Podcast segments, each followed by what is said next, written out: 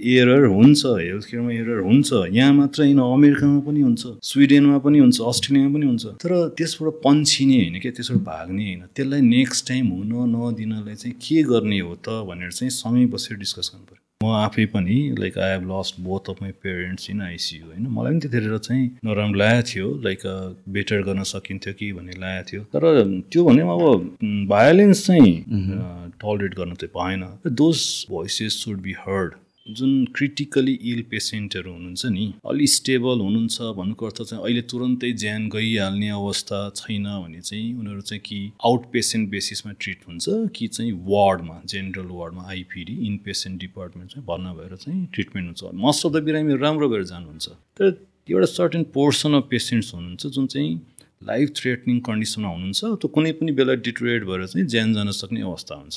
त्यो म्यानेज गर्ने प्राइमरीली जिममा चाहिँ इमर्जेन्सी डिपार्टमेन्ट र आइसियु क्रिटिकल केयर डिपार्टमेन्ट पनि भनिन्छ होइन उहाँहरूको। तर अनफर्चुनेटली के छ भन्दाखेरि हाम्रो देशमा चाहिँ अझै पनि इमर्जेन्सी मेडिसिन र क्रिटिकल केयर मेडिसिनको चाहिँ ग्रोथ अथवा जति क्यापेसिटी बिल्डअप हुनुपर्ने हो त्यहाँ चाहिँ ठुलो ग्याप छ। These health workers are कसरी how can they be safe how can they be working in an environment जहाँ चाहिँ ढुक्कले मजाले काम गर्न पाओस् भने exactly This episode is brought to you by The Physique Workshop, the first gym chain in Nepal with branches all over Kathmandu.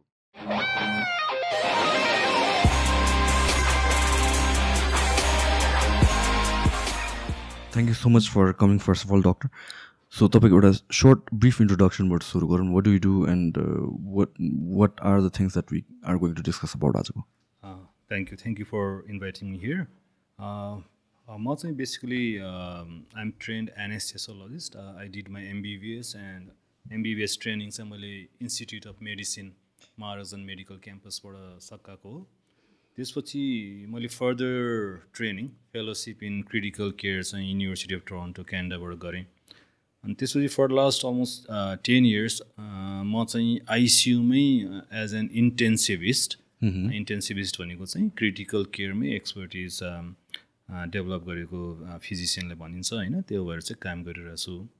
Earlier म Tribhuvan university teaching हस्पिटलमा काम गर्थेँ फर फ्यु इयर्स त्यसपछि म नेपाल मेडिसिटी हस्पिटलमा I work there for few years as chief of ICU र recently दुई वर्ष जस्तो भयो म चाहिँ अहिले क्लिनिकल प्र्याक्टिस चाहिँ अहिले पज गरेर म चाहिँ अहिले बेसिकली पिएचडी गर्दैछु अनि अहिले मेरो प्राइमरी काम चाहिँ के हो भन्दाखेरि हामीले आइसियुको एउटा रिसर्च नेटवर्क बनाएका छौँ लाइक यो चाहिँ आइसियु रेजिस्ट्री भन्छ। आइसियु रेजिस्ट्री बेस्ड एउटा रिसर्च नेटवर्क छ। त्यसमा चाहिँ डिफ्रेन्ट आइसियुज नेपालको different आइसियुजहरू most of the big hospitals teaching hospitals big private हस्पिटल्सहरू चाहिँ त्यो नेटवर्कमा हुनुहुन्छ।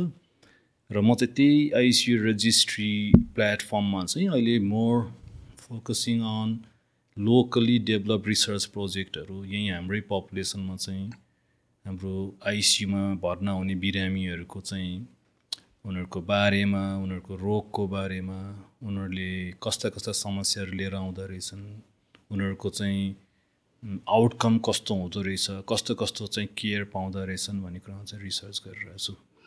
प्लस अर्को चाहिँ म अहिले रिसेन्टली के पनि गरिरहेको छु भन्दाखेरि विराट मेडिकल ग्रुप विराटमा चाहिँ दे हेभ टु हस्पिटल्स अनि त्यहाँ चाहिँ हामीले सर्टेन क्लिनिकल गभर्नेन्स र यो patient safety and quality improvement इनिसिएटिभहरू सानसानो स्केलमा चाहिँ सुरु गरिरहेछौँ जसले चाहिँ हाम्रो यो हेल्थ केयर डेलिभरी प्रोसेसमा चाहिँ हामीले अलि मेथोडोलोजिकल भएर भनौँ न त्यसलाई आफैले डेटा क्याप्चर गरेर ग्यापहरू एनालाइसिस गरेर अनि कसरी त्यसलाई अझै इम्प्रुभ गर्न सकिन्छ भनेर सर्टेन टुलहरू इम्प्लिमेन्ट इम्प्लिमेन्ट गरेर फेरि त्यो पनि इफेक्टिभ भइरहेछ कि छैन भनेर कन्टिन्युस साइकल हुने गरी चाहिँ क्वालिटी इम्प्रुभमेन्ट प्रोजेक्टहरू पनि चाहिँ गरेर त्यो पनि मैले लिड गरिरहेको छु। बेसिकली भन्दाखेरि चाहिँ म चाहिँ अहिले मोर क्रिटिकली हिल पेसेन्ट जुन आइसियु इमर्जेन्सीमा आउने बिरामीहरूको।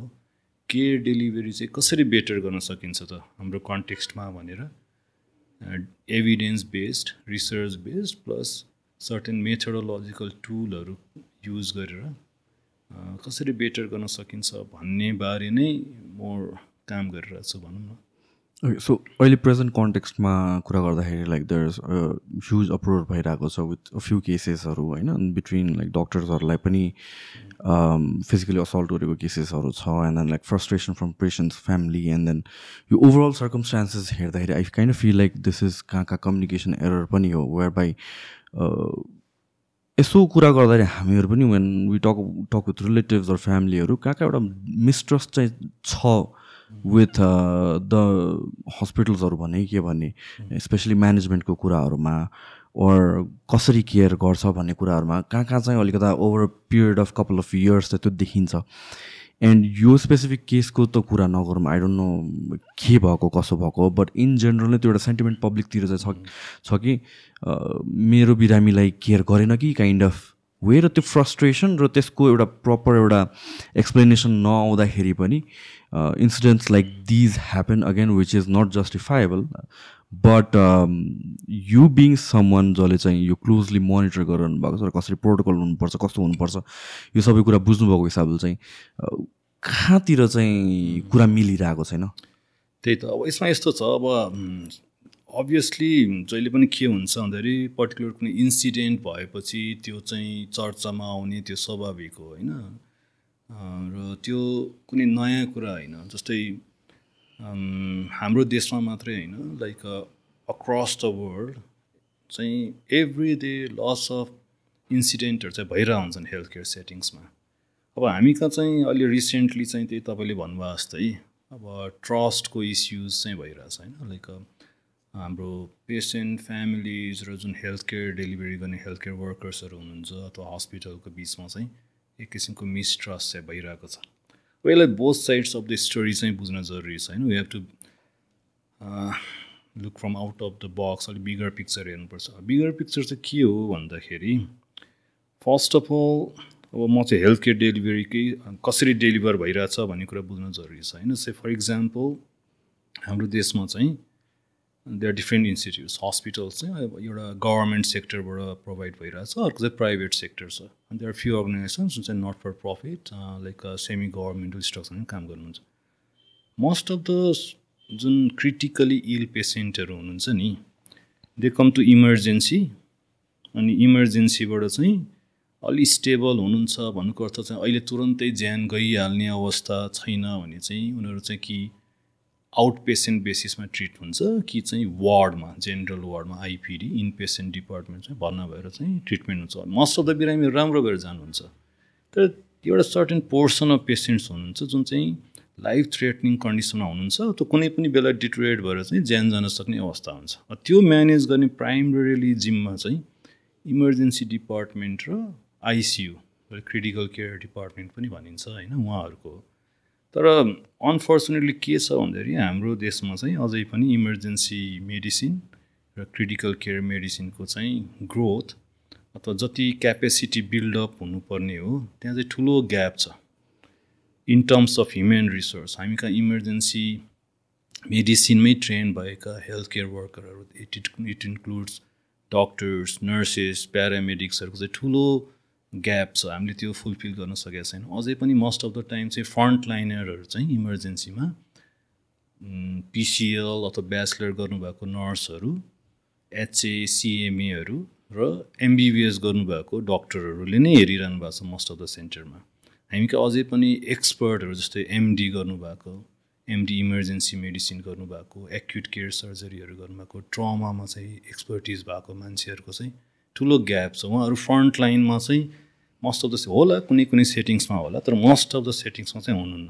अब त्यसरी नै अब आइसियुमा जाने हो भने पनि नेपालमा अझै पनि मिनिस्ट्री अफ हेल्थकै अन्डरमा हेर्ने हो भने पनि जस्तो अघि मैले भने नि इन्टेन्सिभिस्ट भन्ने चाहिँ जुन क्रिटिकल केयरमै ट्रेनिङ गर्नुभएको डक्टरहरू हुनुहुन्छ जसले एमडी पछि वान इयरदेखि थ्री इयर्ससम्मको चाहिँ ट्रेनिङ गर्नुहुन्छ फेलोसिप डिएमहरू होइन अलिक ग्लोबली हेर्ने हो भने चाहिँ क्रिटिकल केयर मेडिसिन चाहिँ त्यस्ता एक्सपर्टहरूले चलाउँदाखेरि चाहिँ आउटकम बेटर भएको भनेर न्युमेरस साइन्टिफिक एभिडेन्सहरू चाहिँ पर्याप्त छ।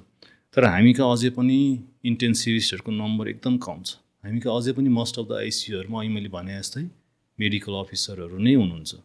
नर्सहरू नै हुनुहुन्छ ब्याचलर्स गरेका नर्सहरू नै हुनुहुन्छ। क्रिटिकल केयरमा चाहिँ खालि सर्ट टर्म एक महिनादेखि तिन महिनाको ट्रेनिङ मात्रै पाएका नर्सहरूले नै काम गरिरहनु भएको छ। अब अर्को जस्तै हेर्नुहुन्छ भने आइसियु चलाउनलाई चाहिने ह्युमेन रिसोर्सहरू जस्तै फार्मासिस्टको एकदम इम्पोर्टेन्ट रोल हुन्छ क्लिनिकल फार्मासिस्ट डाइटिसियन फिजियोथेरापिस्ट होइन?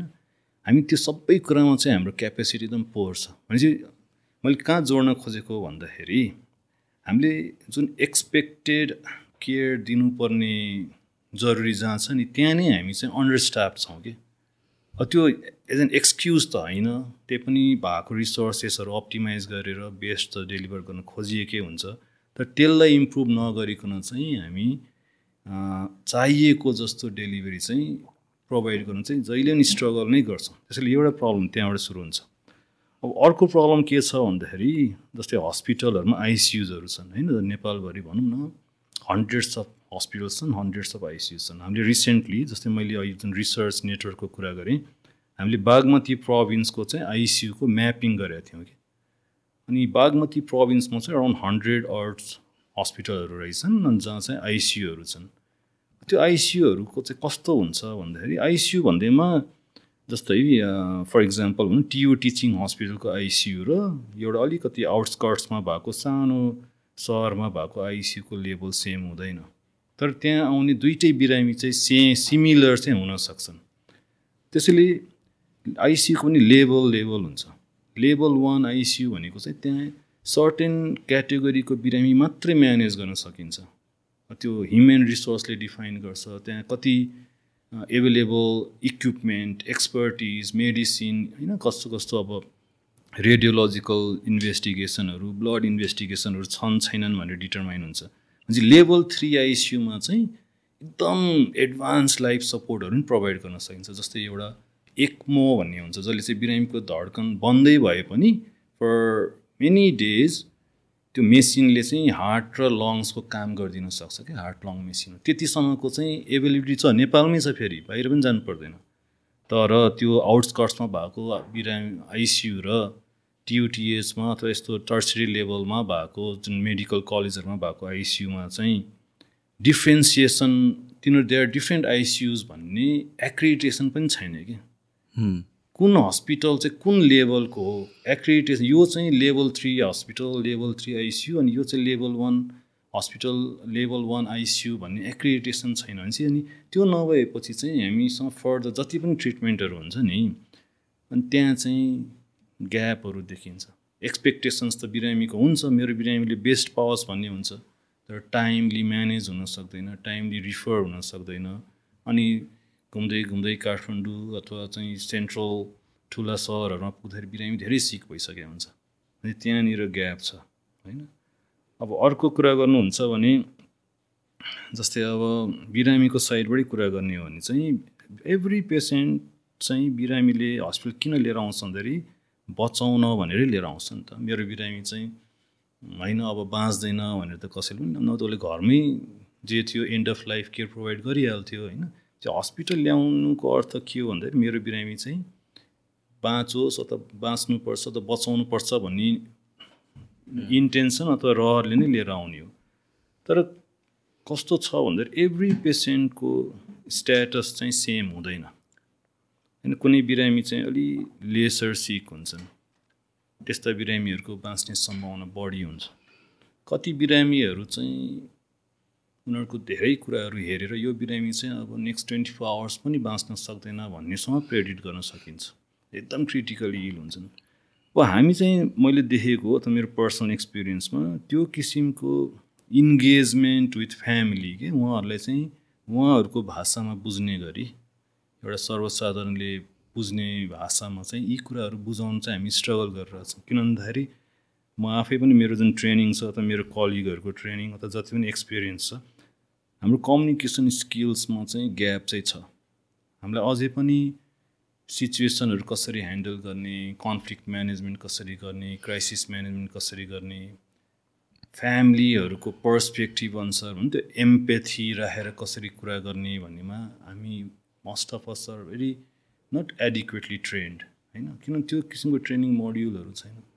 अनि त्यसले गर्दाखेरि जब रियल वर्ल्डमा काम गर्न गइन्छ इन्टेन्सन सही भए पनि कहिलेकाहीँ चाहिँ कसरी बोलिन्छ के भनिन्छ अथवा कति कुराहरू चाहिँ सेयर गरिँदैन इन्फर्मेसनहरू त्यसले धेरै फरक परेर हुन्छ। अनि कहाँ कम्युनिकेसन ग्याप हुन्छ फ्यामिलीसँग अनि उनीहरूले एउटा कुरा बुझिरहेको हुन्छ अनि डक्टरले अर्कै कुरा बुझिरहेको हुन्छ। अनि सडनली अब आइसियुमा त बिरामीको सिचुएसन सडनली चेन्ज हुनसक्छ। हो त्यतिखेर चाहिँ अनि के हुन्छ भन्दाखेरि अनि फ्यामिलीहरूको चाहिँ होइन अहिलेसँग त राम्रै थियो कुरा गरिरहनु भएको थियो। तपाईँले पनि हामी गर्छौँ राम्रै हुनसक्छ हामी कोसिस गर्छौँ भन्नुभएको थियो। अहिले के भयो भनेर चाहिँ अनि त्यतिखेर चाहिँ अनि शङ्का उपशङ्काहरू आउनु थाल्छ कि कि गडबड पो भयो कि उहाँले हेरिदिनु पो भएन कि भन्ने ग्यापहरू आउँछ। भनेपछि मल्टिपल फ्याक्टरहरू छन् क्या अब यसलाई चाहिँ मैले चाहिँ के भन्नु खोजेको भन्दाखेरि अब कसै एकजना मान्छे अथवा एउटा ग्रुप अथवा एउटा कम्युनिटीलाई ब्लेम गरेर मात्रै हुँदैन। हामीले चाहिँ रियल कज के हो त? जहाँनिर चाहिँ ग्यापहरू छन् हर्डलहरू छन् बटलनेकहरू छन् त्यो आइडेन्टिफाई गरेर त्यसलाई चाहिँ कोलाबरेटिभ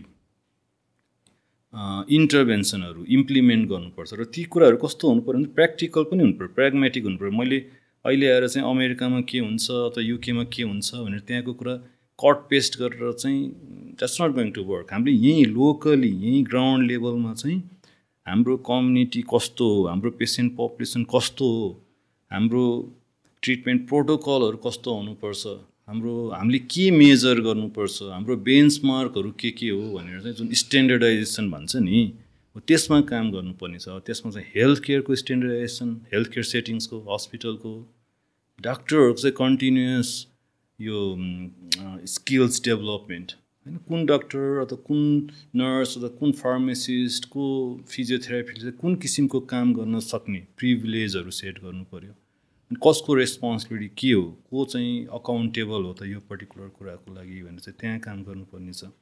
अनि रिफरल सिस्टमहरू भयो होइन त्यो चाहिँ यता हेल्थ केयरको कुराहरू भयो। अब पेसेन्ट फ्यामिलीहरूमा चाहिँ उनीहरूलाई इन्गेज गर्नुपर्छ। उनीहरूलाई चाहिँ हामीले एभ्री डिसिजन मेकिङमा चाहिँ इन्गेज गर्नुपर्छ अहिले सेयर डिसिजन मेकिङ मोडलहरू भन्छ। उहाँहरूसँग चाहिँ कसरी काम गर्नु पऱ्यो we are together we are not on the other side तपाईँ र म एउटै साइडमा हो।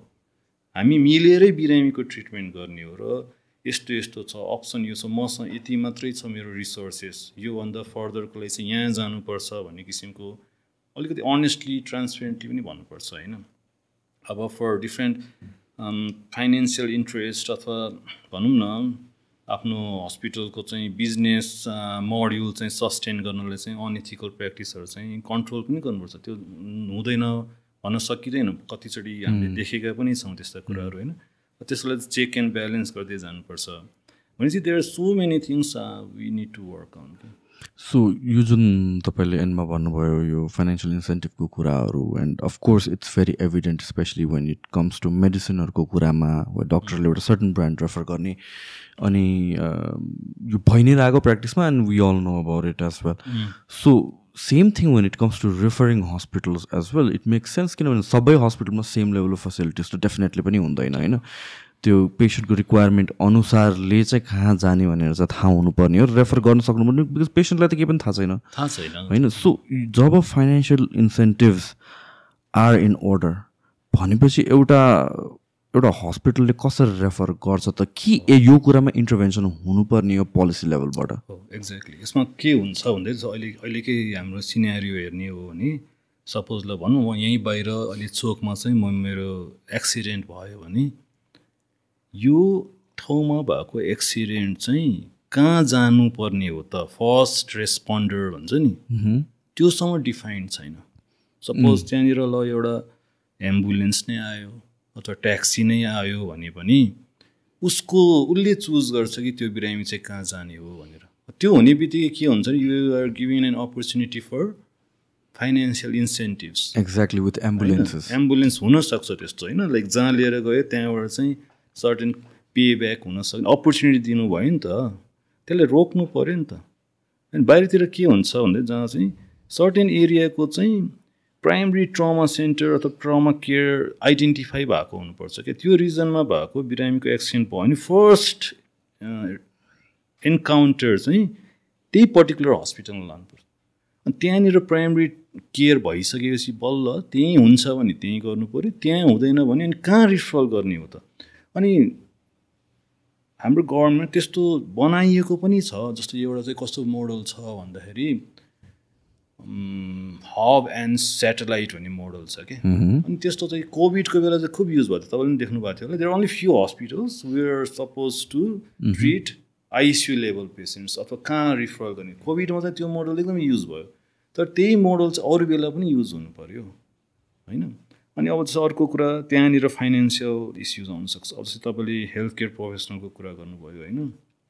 अब जस्तै फर इक्जाम्पल मेडिसिनमै होइन? अब कार्ड्स अथवा इन्सेन्टिभको कुराहरू छ।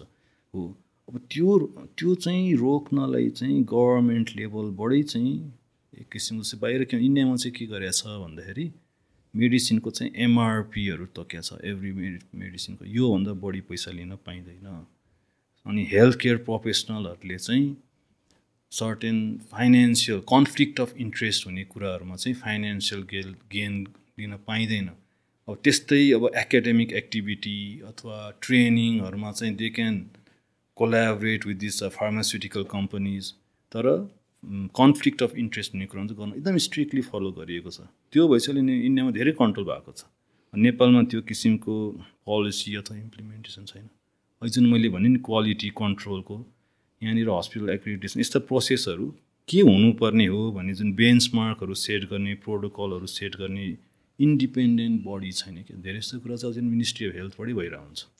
त्यो किसिमको अब एमइसी e भनेर मेडिकल एजुकेसन कमिसन भनेर खोलिएको छ। त्यहाँनिर एक्रिडिटेसन कमिटी छ तर they are focused on only academic accreditation care डेलिभरीमाको एक्रिडिटेसनमा चाहिँ अझै पनि छैन। अनि अर्को कुरा चाहिँ जस्तै फाइनेन्सियल गेनकै कुरा गर्नुभयो होइन? अब प्रेसक्रिप्सनमा प्रेसक्रिप्सनमा अझै पनि ऱ्याम्पेन्ट छ। जस्तै फर इक्जाम्पल कमनली युज हुने मेडिसिन भनौँ न एन्टिबायोटिक्स होइन? अझै पनि म्याङ एउटै एन्टिबायोटिकको मल्टिपल ब्रान्डहरू एभाइलेबल छ मार्केटमा होइन? भनेपछि त्यहाँ कम्पिटिसन छ त्यहाँ इन्सेन्टिभाइज गर्न सक्ने अपर्च्युनिटी दिइरहेछौँ हामीले। होइन? हाम्रो देशमा चाहिँ एउटा युनिभर्सल एन्टिबायोटिक प्रेसक्रिप्सन पोलिसी अथवा प्रोटोकल छैन। त्यो भनेको चाहिँ कस्तो कस्तो हुन्छ भन्दाखेरि फर इक्जाम्पल अब यो सबै भन्दाखेरि चाहिँ म चाहिँ यसलाई कसरी लिन्छु भन्दाखेरि देज एन देज एन अपर्च्युनिटी टु इम्प्रुभ क्या। मैले कुनैलाई ब्लेम गर्न अथवा चाहिँ डिस्करेज गर्नलाई भने होइन कि। देज एन अपर्च्युनिटी टु इम्प्रुभ जस्तै कस्तो हुन्छ भने एउटा एक्स हस्पिटल छ भने त्यो हस्पिटलमा चाहिँ कुन बिरामीलाई चाहिँ कस्तो एन्टिबायोटिक युज गर्ने भनेर चाहिँ सबभन्दा वेल इस्ट्याब्लिस एउटा मेथड छ क्या एन्टिबायोटिक स्टिवार्डसिप प्रोग्राम भन्छ। हाम्रो नेपालको रेयरली मैले त एउटा दुईवटा बाहेक कुनै पनि हस्पिटलमा चाहिँ एन्टिबायोटिक स्टिवर्डसिप पोलिसी छैन त प्रोग्राम छैन। भन्नुको अर्थ डक्टरलाई चाहिँ चेक एन्ड ब्यालेन्स गर्ने मेकानिजम हो क्या। उसले पर्टिकुलर बिरामीको लागि कुनै एउटा एक्सवाइजेड कुनै एन्टिबायोटिक प्रिस्क्राइब गरेको छ भने त्यो चाहिँ जस्टिफाएबल छ कि छैन? राइट डोजमा छ कि छैन? राइट तरिकाले प्रयोग गरिएको छ कि छैन? इन्डिकेटेड हो कि होइन? त्योभन्दा बेटर पो के गर्न सकिन्छ भनेर अर्को चेक एन्ड ब्यालेन्स गर्ने मेकानिजम हुन्छ। द्याट्स अनि त्यो भएपछि एउटा त फाइनेन्सियल भनौँ न बर्डेन पनि कम हुन्छ र अर्को जुन अहिले ऱ्याम्पेन्ट छ एन्टी माइक्रोबियल रेजिस्टेन्सको त्यो त्यो बर्डेन पनि कम हुन्छ। भनेपछि फाइनेन्सियल इस्युजको लागि चाहिँ डिरेक्ट इन्टरभेन्सनले मात्रै होइन कि इन्डिरेक्ट कुराहरूले पनि बिरामीको कस्ट चाहिँ घटाउन सकिन्छ क्या जस्तै फर इक्जाम्पल अहिले हामी अहिले जुन एउटा रिसर्च पेपरको इक्जाम्पल दिएँ नि हामीले अलमोस्ट एटिन थाउजन्ड पेसेन्टहरूको त्यो रजिस्ट्री बेस्ड पेपर नै हो चाहिँ अहिले पब्लिस पनि गऱ्यौँ होइन। त्यसमा हेर्दाखेरि seventy five percent of our ICU patients त्यो भनेको नेपालको अलमोस्ट चौध पन्ध्रवटा उहाँ बिगेस्ट हस्पिटलहरूको नेटवर्क हो कि? दे केटर लाइक अलमोस्ट प्राइभेटमा भन्नु सेभेन्टी पर्सेन्ट जस्तो आइसियुमा अलमोस्ट फोर्टी फिफ्टी पर्सेन्ट चाहिँ पेसेन्टहरू केटर गर्छन्. Seventy five percent of ICU patients have receive at least एउटा डोज अफ एन्टिबायोटिक के तर कस्तो हुन्छ भन्दाखेरि त्यति आवश्यक हुँदैन। साँच्चीकै रियल वर्ल्डमा हेर्ने हो भने। प्राइमेरी जब बिरामी आउँछ नि आइसियुमा इन्फेक्सियस इस्यु लिएर आउने बिरामीहरू एराउन्ड फिफ्टी पर्सेन्ट जति मात्रै हुन्छन्। चाहिँ फर भेरियस रिजन्स चाहिँ हामी कहाँ चाहिँ एन्टिमाइक्रोवेलको युज एकदम हाई भइरहेछ। अनि एन्टिमाइक्रोवेल पनि कस्तो कस्तो युज हुन्छ भन्दाखेरि अब जुन अहिले मैले भने जस्तै सेकेन्ड जेनेरेसन थर्ड जेनेरेसन एन्टिबायोटिकहरू त अब कामै नलाग्ने सेन्सिटिभिटी नै लस भइसक्यो होइन? रेजिस्टेन्ट भइसक्यो। एकदम महँगो औषधिहरू फ्रन्ट लाइनमा चलाउनु फर्स्ट लाइनको रूपमा चलाउनु पर्छ त्यसले कस्ट बढेर हुन्छ अनि अब त्यसमा भनौँ त्यसमै पनि अब इन्सेन्टिभाइज मोडलहरू डक्टरको चोइसमा छ कि मैले कुन एन्टिबायोटिक कुन कम्पनीको चलाउने भनेर। अझै त्यहाँनिर कन्फ्लिक्ट अफ इन्ट्रेस्टको कुराहरू छ। So how about brand name नलेखेर जेनेरिक नेममा त दिनु मिल्दैन जेनेरिक नेम गर्नुपर्ने चाहिँ त्यही हो। तर त्यसको लागि तपाईँले एउटा कुरा एसेयर गरिदिनु पऱ्यो क्या। के हो भन्दाखेरि जति पनि औषधिहरू यहाँ रेजिस्टर्ड हुन्छ नि उनीहरू चाहिँ एट पर क्वालिटी हुनु पऱ्यो नि त। जहिले इन जेनरल पनि गर्नुपर्ने त। हुनुपर्ने हो होइन? तर अब हाम्रो जुन किसिमको मेकानिजम छ अब त्यसको लागि चाहिँ डेडिकेटेड अर्गनाइजेसनहरू छन् जस्तै ड्रग एन्ड ड्रग डिपार्टमेन्ट एडमिनिस यो डिडिए भन्ने अर्गनाइजेसन छ। अनि हामी कहाँ जुन किसिमको औषधिहरू रजिस्टर्ड गर्दाखेरि त्यो औषधिको बायो एभाइलेबिलिटी भन्छ लाइक ल्याब रिपोर्टहरू हुन्छ त्यसको पोटेन्सीहरू भन्छ होइन? त्यसमा कन्फिडेन्स छैन कि त्यो औषधि चाहिँ ठिक छ भनेर। कहिले रिसेन्टली पनि तपाईँले पढ्नुभयो होला मिनिस्ट्री अफ हेल्थले नै। अलमोस्ट मोर देन हन्ड्रेड औषधिहरू चाहिँ होल्ड गरिदियो। Because they didn't meet certain criteria चाहिँ they are available in the market के चाहिँ मैले एउटा कुनै औषधि प्रेसक्राइब गरेँ ब्रान्ड नेममा के जेनेरिक नेममा भने प्रेसक्रिप्सन औषधि दिने फेरि प्रिभिलेज कोसँग छ? फार्मेसिस्टसँग छ। ओभर द काउन्टर दिएर आउँछन् उनीहरूले डिसाइड गर्न सक्छन् कि कुन दिने भनेर। मैले जे लेखेँ त्यही पाउँछ भन्ने जरुरी छैन कि। अनि त्यो भएपछि एस्योरेन्स भएन नि त। भनेपछि पनि आइडियली चाहिँ जेनेरिकै लेख्नुपर्ने हो र जेनेरिकमा पनि मसँग चाहिँ यो सर्टेन नम्बरको मात्रै एभाइलेबल हुनु पऱ्यो र त्यो हरेक औषधिको चाहिँ क्वालिटी एस्योरेन्स चाहिँ हुनु पऱ्यो कि डक्टरलाई पुस गर्ने भनेको चाहिँ जेनेरिक लेख्न हो। तर अनलेस एन्ड अन्टिल हामीले अरू कुराहरू चाहिँ एस्योर गर्दैनौँ उहाँहरूले जेनेरिक लेख्न चाहिँ they will not be ready so जस्तो कि मेडिसिन आउँदाखेरि नै कुनै एउटा नयाँ ब्रान्ड अफ मेडिसिन एउटा जेनेरिक ड्रग जुन चाहिँ it's of a different brand त्यो टेस्ट भएर अप्रुभ भएर आउँदैन नेपालमा? यस्तो हुन्छ। हाउ डज द्याट हो हाउ डज इट वर्क भन्दा हुन त म मेरो त्यो एक्सपर्टिज चाहिँ होइन मेरो जति लिमिटेड नलेज छ म त्यो सेयर गर्छु होइन कसरी हुन्छ भन्दाखेरि यहाँ चाहिँ डिडिए भन्ने अर्गनाइजेसन छ जहाँ चाहिँ एभ्री ड्रग चाहिँ रजिस्टर्ड हुनुपर्छ। अब कति मेडिसिनहरू चाहिँ अलरेडी जहाँ म्यानुफ्याक्चर भएको हो त्यहाँको रिपोर्ट कभरमा चाहिँ आउँछ। यहाँ आएर फेरि क्रस भेरिफाई गर्ने त्यसको एक्चुअल. त्यसको कन्टेन्ट कम्पोजिसनहरू चाहिँ जे लेखेको छ त्यही छ भन्ने चाहिँ क्यापेसिटी चाहिँ हाम्रो लिमिटेड नै छ। हामी हामीले त्यो सबैमा गर्न सकेका छैनौँ। And again that can be force to document हो त्यसमा चाहिँ एक्ज्याक्टली फोर्स गर्न सक्छ युआर गिभिन एन अपर्च्युनिटी जहाँ चाहिँ लुप होलहरू हुनसक्ने ठाउँ गर्लान् नगर्लान् आफ्नो ठाउँमा छ तर there is always a question नि त होइन? अनि त्यो भएपछि नि अनि फेरि रिसेन्ट रिपोर्टहरूले देखाएको पनि त छ नि त नेपालमा चाहिँ हो। क्वालिटी पोवर क्वालिटी भएको औषधिहरू एभाइलेबल रहेछन्। त्यसैले त स्टप गऱ्यो नि त होइन? हो त्यस्तो त्यसलाई चाहिँ एड्रेस गर्नुपर्छ। यो अनि जस्तै फर इक्जाम्पल अब प्रब्लम कहाँ हुन्छ भन्दाखेरि I go back to ICU मैले एउटा कुनै पर्टिकुलर औषधि लेखेँ। त्यो औषधिको क्वालिटी नै पोवर छ भने मैले जतिसुकै एफर्ट लगाउँ न कामै गरेर छैन भने त्यो बिरामी निको त भएन नि त। मान्छे एकजनाको मात्रै एकजनालाई मात्रै अकाउन्टेबल बनाएर पनि भएन कि? मल्टिपल कुराहरूमा चाहिँ गर्नुपर्छ। त्यसैले अघि मैले त भनेको थिएँ नि सुरुमा चाहिँ एउटा यस्ता यस्ता सेटिङ्सहरू जहाँ चाहिँ आइसियु जस्तोमा चाहिँ क्लिनिकल फार्मेसिस्ट भन्ने हुनुहुन्छ कि? देयर पिपल नेपाल होइन जसले क्लिनिकल फार्मेसी गरेर राम्रै सेन्टरमा काम गरेर आउनुभएको छ। तर उनीहरू मोस्ट अफ देम आर कहाँनिर चाहिँ अहिले काम गरिरहेछन् भने डिस्पेन्सरीमा ओके उनीहरू चाहिँ बेड साइडमा हुनु पर्थ्यो अनि क्लिनिकल फार्मेसिस्टले र डक्टरले चाहिँ कोलाबरेटिभ रूपमा यस्ता कुराहरू प्रेसक्रिप्सनका कुराहरू मेडिसिन प्रेसक्रिप्सन अडिटका कुराहरू मेडिकेसन एररहरू कसरी कम गर्न सकिन्छ भनेर काम गर्न सक्यो भने चाहिँ धेरै कुराहरू चाहिँ कन्ट्रोल हुन्छ। नाउ यो सेफ्टी प्रोटोकलहरू हामीले डिजाइन गर्दाखेरि it seems like it's human resource intensive again एकजना मेडिसिनको एक्सपर्ट चाहियो एकजना एउटा एउटा बेडको लागि एउटा सेपरेट नर्स चाहियो। यसरी गर्दाखेरि द कस्ट अफ भन्न यो हेल्थ सर्भिसेस त्यो बढेर जान्दैन। How does it work economically चाहिँ? अनि यस्तो हुन्छ। यसलाई चाहिँ कसरी बुझ्नुपर्ने मैले अब मैले मेरो सेटिङमा युज गरिरहेको चाहिँ जस्तै अलिकति क्वालिटी इम्प्रुभमेन्टको टुलहरू युज गर्न सक्नुपर्छ र त्यसलाई कसरी एकतिरबाट फाइदा हुने र अर्कोतिरबाट कट क कस्ट कट हुने पनि मोडलहरू छन्। क्या एउटा फर इक्जाम्पल टोयोटाको एउटा लिन मोडल भन्ने छ होइन लिन मोडल चाहिँ एउटा क्वालिटी इम्प्रुभमेन्टको टुल हो। उनीहरूले चाहिँ म्यानुफ्याक्चरिङ इन्डस्ट्रीमा चाहिँ युज गरेको थियो। त्यसमा चाहिँ उनीहरूले दे हेभ आइडेन्टिफाइड आठवटा वेस्टहरू के? फर इक्जाम्पल एउटा चाहिँ डिफेक्ट भन्ने छ। वेस्ट भयो एउटा। अर्को चाहिँ एक्स्ट्रा प्रोसेसिङ भन्ने छ। अर्को चाहिँ वेटिङ भन्ने छ होइन? इन्भेन्ट्री लजिस्टिक्स अनि under utilization of talent different waste आठ किसिमका वेस्ट छन्।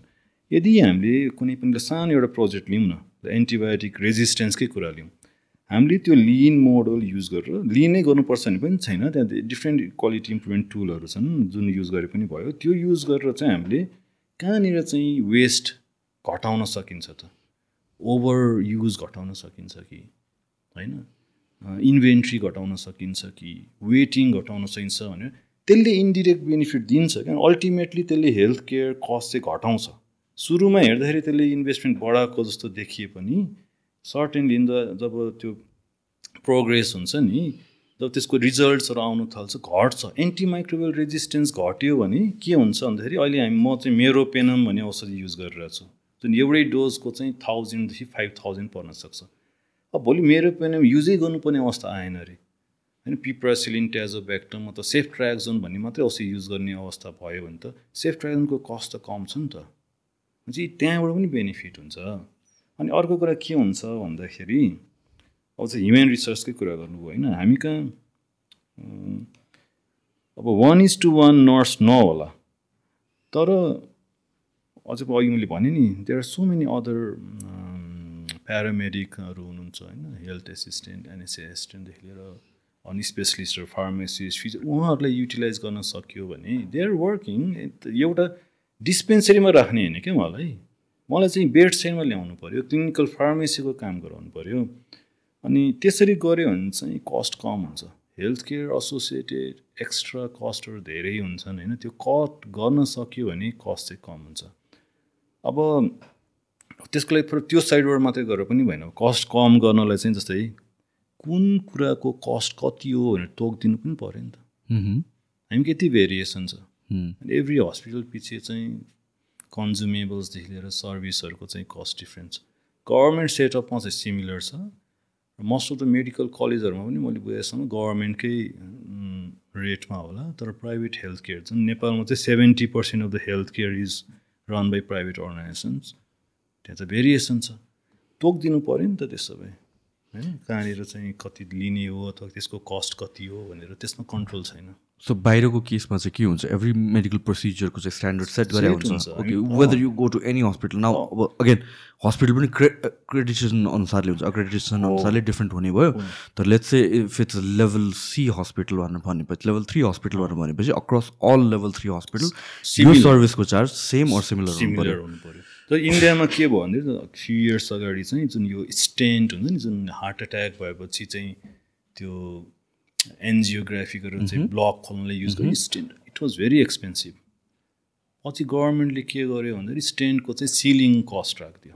योभन्दा बढी चाहिँ लिन पाइँदैन तर त्यो फेरि कसैले पनि घाटामा गएर त गर्न सक्दैन होइन? लाइक सस्टेनेबल मोडलमा चाहिँ हुनु पऱ्यो त्यो भएपछि त्यो कन्ट्रोल भयो। इन्डियामा अहिले धेरै गरेका छन् कन्ट्रोल कन्ज्युमेबल्स र मेडिसिनमा त्यही मोडल मात्रै पनि हामीले अलिकति एडप्ट गर्न सकेन पनि हुन्छ। हामी त्यो छैन स्ट्यान्डर्डाइजेसन छैन। सो फर्स्ट प्राइमेरी स्टेप त मैले त हस्पिटललाई क्याटेगोराइजेसन नै हो भनेर देख्छु त।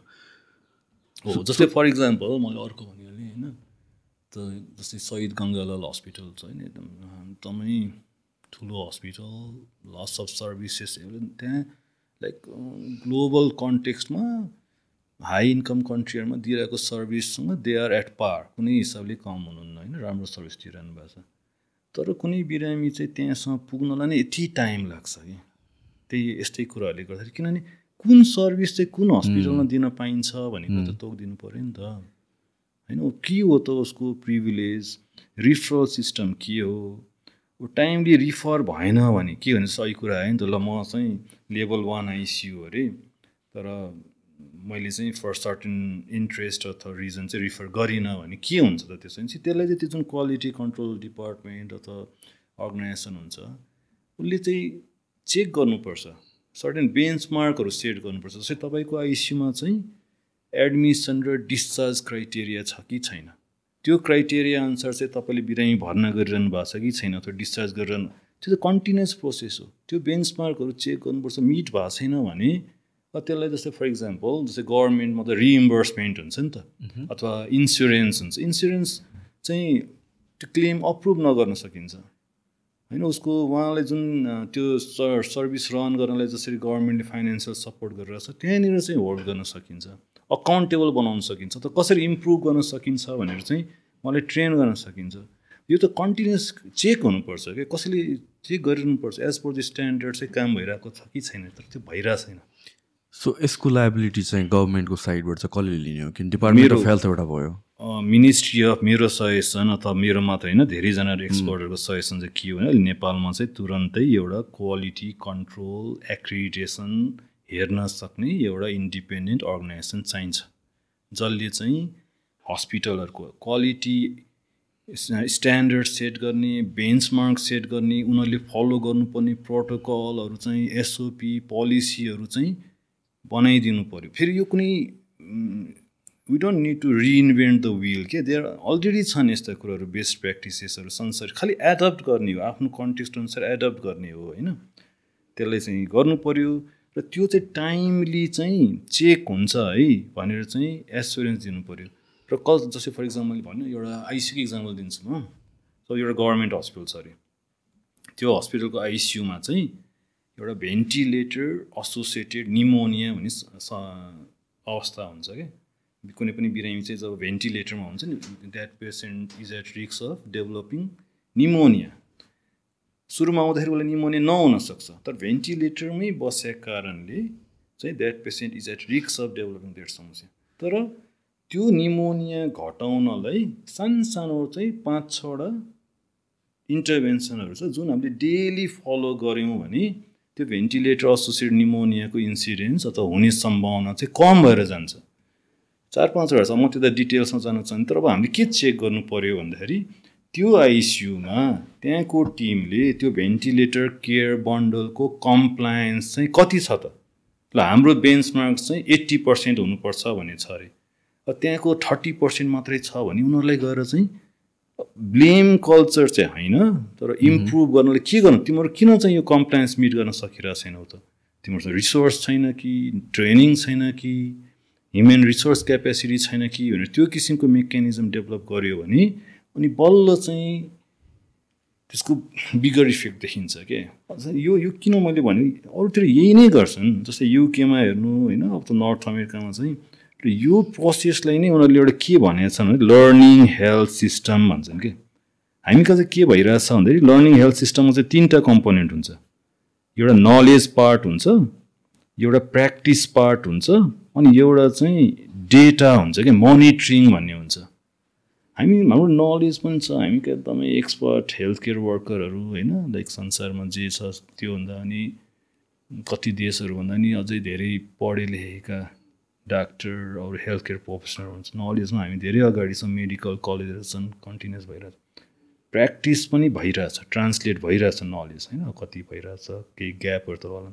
तर हामी चाहिँ हाम्रो पर्फर्मेन्स इभ्यालुएट गरिरहेको छैनौँ अरू जति गरिरहेछौँ नि सानो स्केलमा गरिरहेछौँ। हामीसँग हामी के गरिरहेछौँ? हाम्रो ग्याप के हो भनेर चाहिँ एडुकेट डेटाहरू छैन। अनि त्यो नहुने बित्तिकै अब हामीले भोलि बेन्चमार्क सेट गऱ्यो भने पनि के को आधारमा गर्ने त? होइन ती कुराहरूमा चाहिँ धेरै ग्याप छ। अब कोभिडको बेला चाहिँ यी कुराहरू अलिक भएका थिए। कोभिडमा त अहिले देख्नु भएको थियो होला। होइन? हामीसँग त डेटा यतिवटा पेसेन्ट आयो यतिवटा आइसियुमा छ यतिजनाको ज्यान गयो यतिजना निको भएर गयो भनेर पब्लिक डोमेनमै त्यस्ता एक किसिमको रेजिस्ट्री त हो नि त्यो पनि एभाइलेबल थियो।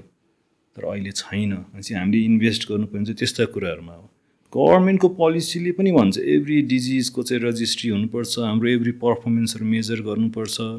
अनि डेटा ड्रिभेन एभिडेन्स बेस्ड डिसिजनहरू चाहिँ डेभलप गर्नुपर्छ प्रोटोकलहरू डेभलप गर्नुपर्छ। गभर्मेन्टको पोलिसीले पनि भन्छ। डब्लुएचओको पोलिसीले पनि त्यही भन्छ। तर हामी त्यतातिर चाहिँ हाम्रो इन्भेस्टमेन्ट अथवा एफर्ट चाहिँ कम छ भन्न खोजेको सो जस्तो कि यो हस्पिटलहरूको प्रोटोकलहरू एउटा चाहिँ सेट भएको छ अरे होइन? सो त्यो फलो गरेर चाहिँ कि छैन भनेर चाहिँ कसले चेक गर्छ? किनभने हस्पिटलको इनसाइड म्यानेजमेन्टले गर्ने त कुरा भएन। छ होला सर्टन एस्पेक्टमा हस्पिटलको इनसाइडबाट पनि। तर त्यसलाई एक्सटर्नल चेक एन्ड ब्यालेन्स गर्नुको सिस्टम त चाहियो। सो त्यो पार्ट हामीसँग अलरेडी छ कि छैन इन प्लेस छैन। जस्तै तपाईँले भने जस्तो फर्स्ट अफ अल त कुन कुरामा चाहिँ कस्तो प्रोटोकल युज गर्ने भन्ने युनिफर्मिटी छैन। एक्सेप्ट फर फ्यु कन्डिसन्स जस्तै मेरो बिरामीमा चाहिँ ल भनौँ न हार्ट एट्याक मेरो आइसियु के अरे इमर्जेन्सीमा चाहिँ हार्ट एट्याक भएर आयो भने क्लिनिकल नलेज चाहिँ छ। त्यो म्यानेज गर्न सक्ने नलेज चाहिँ होला त्यो टिमसँग। तर यो प्रोटोकल फलो फलो गर्नुपर्छ र यो प्रोटोकल भने फेरि प्रोटोकल भनेको खालि डिसिजन मात्रै होइन त्यो टाइम बााउन्ड हुन्छ। यतिभित्र यो गरिसक्नुपर्छ भन्ने हुन्छ। त्यो चाहिँ छैन। नलेज छ। कति कुरा गरि गरिरहनु नभए त यत्र हस्पिटल कसरी चल्थ्यो र होइन यत्र बिरामीहरूले कसरी चाहिँ सेवा पाउँथ्यो भइ चाहिँ रहेछ। तर एज पर द प्रोटो प्रोटोकोलाइज केयरहरू चाहिँ धेरै कुराहरूमा छैन। केही कुराहरूमा छ नभएको होइन म त्यसै कोही केही पनि छैन पनि भन्दिनँ। तर जति हुनुपर्ने त्यो छैन। अनि अब तपाईँले इन्टर्नल रिभ्यू र एक्सटर्नल रिभ्यूको कुरा गर्नुभयो होइन। इन्टर्नल रिभ्यू चाहिँ आफ्नो सेल्फ इम्प्रुभमेन्टको लागि गर्ने हो। त्यसको लागि जस्तो हस्पिटलमा चाहिँ क्वालिटी कन्ट्रोल युनिट हुनु पऱ्यो त्यसपछि कन् एक किसिमको मि मिस्टेक अथवा एररहरूबाट चाहिँ सिकेर नेक्स्ट टाइम चाहिँ त्यो कसरी हुन नदिने हो भन्ने किसिमको डिस्कस हुनु पऱ्यो नि। त्यो कल्चर सेफ्टी कल्चर भन्छ नि त्यो हुनु पऱ्यो। त्यो मैले यहाँ बसेर अथवा कसैले चाहिँ मिनिस्ट्रियल लेभलमा बसेर गर अथवा हुनुपर्छ भन्दैमा हुँदैन। त्यो कसरी पोसिबल छ भने मेकानिजमहरू डेभलप गर्नुपर्छ क्या। एउटा राइट तरिका हुन्छ एभ्री हस्पिटलमा क्वालिटी कन्ट्रोल युनिट हुनु पऱ्यो क्वालिटी कन्ट्रोल अफिसर हुनु पऱ्यो अथवा त्यो किसिमको क्लिनिकल गभर्नेन्स हेर्ने एउटा डिरेक्टोरियल लेभलको मान्छे हुनु पऱ्यो अनि उसले सर्टेन प्रोटोकलहरूको चाहिँ कम्प्लायन्स मेजर गर्नु पऱ्यो क्या। जुन लर्निङ हेल्थ सिस्टमको एउटा ठुलो कम्पोनेन्टै भनेको चाहिँ डेटा मेजर नगरिकन हामीलाई थाहा हुँदैन। त्यो इन्टरनली पनि हुनुपर्छ र अर्को चाहिँ नेसनल लेभलमा मिनिस्ट्रियल लेभलमा त्यो मिनिस्ट्री अफ हेल्थले गरे पनि भयो एमइसीले गरे पनि भयो अथवा कुनै एउटा इन्डिपेन्डेन्ट अटोनोमस अर्गनाइजेसन बनाए पनि भयो जसले चाहिँ यी कुराहरूलाई चाहिँ कन्सटेन्टली मोनिटर गर्नुपर्छ। नभए त पोसिबल छैन। अहिलेको मात्रै सेटअपले चाहिँ यो पोसिबल छैन। किनभने one of the biggest issues जस्तो कि अहिलेको रिसेन्ट केसेसहरू मैले देखेकोहरू भनेको त्यही त हो नि मेन कुरा भनेको डिस्ट्रस्ट इन द इन्स्टिट्युसन्स हो डिस्ट्रस्ट इन द प्रोफेसन हो एन्ड अगेन लाइक एनी प्रोफेसनमा एक दुईजना चाहिँ आउटलायर्सहरू हुन्छ जसले चाहिँ केयरलेसनेस गर्छन् होला होइन मेबी डक्टर्सको कुरामा होला चाहे नर्सेसको कुरामा होला we hear about these incidences but त्यो भन्दैमा होल प्रोफेसनलाई नै एउटै बक्समा चाहिँ राख्न मिल्दैन बट त्यो ट्रस्ट कहाँ कहाँ लुज भएको छ कि? And this might also be because of कम्युनिकेसनको ग्यापले गरेर पनि। एक्ज्याक्टली जस्तै त्यो पेसेन्ट त अहिले मैले भने नि पेसेन्टलाई त हामीले अब ऊ रिसाउनु स्वाभाविक हो। होइन चाहिँ म आफै पनि like I have lost both of my parents in ICU होइन मलाई पनि त्यतिखेर चाहिँ नराम्रो लागेको थियो। लाइक बेटर गर्न सकिन्थ्यो कि भन्ने लागेको थियो। तर त्यो भने अब भायोलेन्स चाहिँ टलरेट गर्न चाहिँ भएन तर those voices should be heard उहाँहरूको कुरा चाहिँ सुन्नुपर्छ। र उहाँहरूको इन्स्युजलाई चाहिँ वान टाइम ल म यस्तो आजदेखि यस्तो गर्ने भनेर वान टाइम डिसिजन गरेर मात्रै त्यो चाहिँ एड्रेस हुनेवाला छैन। यसलाई चाहिँ ओभरअल जुन मैले भने नि जति पनि यो patient safety quality standardization benchmarking continuous quality improvement प्रोसेसहरूमा चाहिँ इन्भेस्ट नगरी गर्ने हो भने यो केही समय दिनपछि फेरि हुन्छ। यो रिपिटेड भइरहन्छ। होइन र अर्को कुरा चाहिँ एज अ कस्टमर उहाँहरूलाई पनि उहाँहरूको पनि ग्रिभेन्सेस छ नि त। त्यो ग्रिभेन्सेस चाहिँ मैले ल यहाँ गएर भन्यो भने र साँच्चीकै उहाँहरूले जो हेल्थ केयर प्रोफेसनलहरूको साइडबाट इन्टेन्सनली हुनुपर्छ भन्ने छैन एरर अनइन्टेन्सनल पनि हुनसक्छ। किन एरर हुन्छ कि? त्यो चाहिँ पहिला हामी we should be brave enough to acknowledge कि एरर हुन्छ हेल्थ केयरमा एरर हुन्छ। यहाँ मात्र होइन अमेरिकामा पनि हुन्छ स्विडेनमा पनि हुन्छ अस्ट्रेलियामा पनि हुन्छ। तर त्यसबाट पन्छिने होइन क्या त्यसबाट भाग्ने होइन। त्यसलाई नेक्स्ट टाइम हुन नदिनलाई चाहिँ के गर्ने हो त भनेर चाहिँ समय बसेर डिस्कस गर्नु पऱ्यो र मैले अघि भने यो सबै कुरा चाहिँ डाक्टरहरूबाट मात्रै चाहिँ सम्भव छैन। अरूहरूलाई पनि त्यो उसको लागि चाहिँ इम्पावर गर्नुपर्छ उनीहरूलाई अकाउन्टेबल बनाउनु पर्छ। त्यहाँ छ क्या मेथडहरू छ। जस्तै मैले मेडिकेसन एररको कुरा गरेँ नि। क्लिनिकल फार्मासिस्टलाई युटिलाइज गर्नु पऱ्यो होइन? अब डाइटेरी यति धेरै इस्युजहरू हुन्छ खानाको। डाइटिसियनहरूलाई युटिलाइज गर्नु पऱ्यो फिजियोथेरापिस्टहरूलाई युटिलाइज गर्नु पऱ्यो नर्सहरूलाई चाहिँ स्पेसलिटी ट्रेनिङहरू गराउनु पऱ्यो त्यही किसिमको उनीहरूलाई प्रिभिलेजहरू डेभलप गर्दै गर्नु जानुपर्छ जस्तै फर इक्जाम्पल हाम्रै नेपालमा पनि रिसेन्टली चाहिँ नर्स प्र्याक्टिसनर्स भन्ने कन्सेप्ट चाहिँ डिस्कसनमा आयो कि। एकदम राम्रो कुरा। हामी जति धेरै नर्सहरू हुनुहुन्छ होइन? ब्याचलर्स गरेर अब करियर पाथ नै होल्ड भएर बसेको छ कि। त्यो मध्ये एलिजिबल एक जो जल जो चाहिँ त्यो कुरामा ट्रेन्ड हुनुहुन्छ त्यो मान ती नर्सहरूलाई चाहिँ नर्स प्र्याक्टिसनर्समा अपग्रेड गर्न सकिन्छ। उनीहरूले चाहिँ अब खालि पेसेन्ट लेभल बेड साइड लेभलको मात्रै काम नगरेर managerial as a support staff to the doctors चाहिँ काम गर्न सक्नुहुन्छ। चाहिँ ए एडिसनल बर्डन होइन क्या त्यो। उनीहरूको बेटर युटिलाइजेसन हो। जुन लिन मोडलमा पनि एउटा के छ मैले भने अन्डर युटिलाइजेसन अफ ट्यालेन्ट भन्ने एउटा वेस्ट हुन्छ क्या। त्यो वेस्ट रिड्युस गर्नु पऱ्यो त्यहाँबाट एड्रेस गर्न सकिन्छ। अनि अर्को कुरा म कहाँनिर जोड्दै थिएँ भन्दाखेरि जब यो अब जस्तै पेसेन्ट फ्यामिलीकै कुरा गर्ने हो भने उहाँहरूको ग्रिभेन्स चाहिँ मैले गएर कहीँ भन्यो भने साँच्चीकै एरर भएको रहेछ भने चाहिँ those people will be held accountable or मैले चाहिँ कुनै किसिमको कम्पेन्सेसन कम्पेन्सेसन भनेको सही फाइनेन्सियलै हुनुपर्छ भन्ने छैन। अनि कति मान्छेहरूलाई चाहिँ मेरो एटलिस्ट मेरो कुरा एड्रेस भयो भन्ने भयो भने पनि धेरै उनीहरूलाई सेटिस्फ्याक्सन त्यो मेकानिजम पनि त छैन नि त। त्यो मेकानिजम हामीले दिनै सकेका छैनौँ। त्यो ग्राउन्ड लेभलमा त्यो अवेरनेसै छैन। ल कुनै हेल्थ केयर एसोसिएटेड केही म्याल प्र्याक्टिस भयो त भयो भने एउटा नेपाल मेडिकल काउन्सिल चाहिँ छ। तर मैले भनेको सबै म्या म्याल प्र्याक्टिस चाहिँ डक्टर लेभलबाट मात्रै हुँदैन नि त। There so many issues pharmacy related issue छ। नर्सिङ रिलेटेड इस्युज छ। हेल्थ केयर डेलिभरी त्यहाँनिर एडमिनिस्ट्रेटिभ कुराहरू कति धेरै छन्। बायोमेडिकल इक्विपमेन्टका कुराहरू छन्। मेसिन बिग्रिएर कुनै बिरामीको चाहिँ केही इभेन्ट भयो भने पनि त्यसलाई चाहिँ डक्टरलाई नै चाहिँ अकाउन्टेबल त बनाउनु मिलेन नि त। त्यो मेकानिजमै छैन कि त्यसलाई एउटा इन्डिपेन्डेन्ट त्यो ग्रिभेन्स सुन्ने र ह्यान्डल गर्ने चाहिँ जस्तै यो क्वालिटी कन्ट्रोल त्यस त्यसबाटै गराउन सकिन्छ यस्ता कुराहरू। सो जस्तो कि अर्को कुरा भनेको चाहिँ इमर्जेन्सी केसेसहरूमा हो होइन?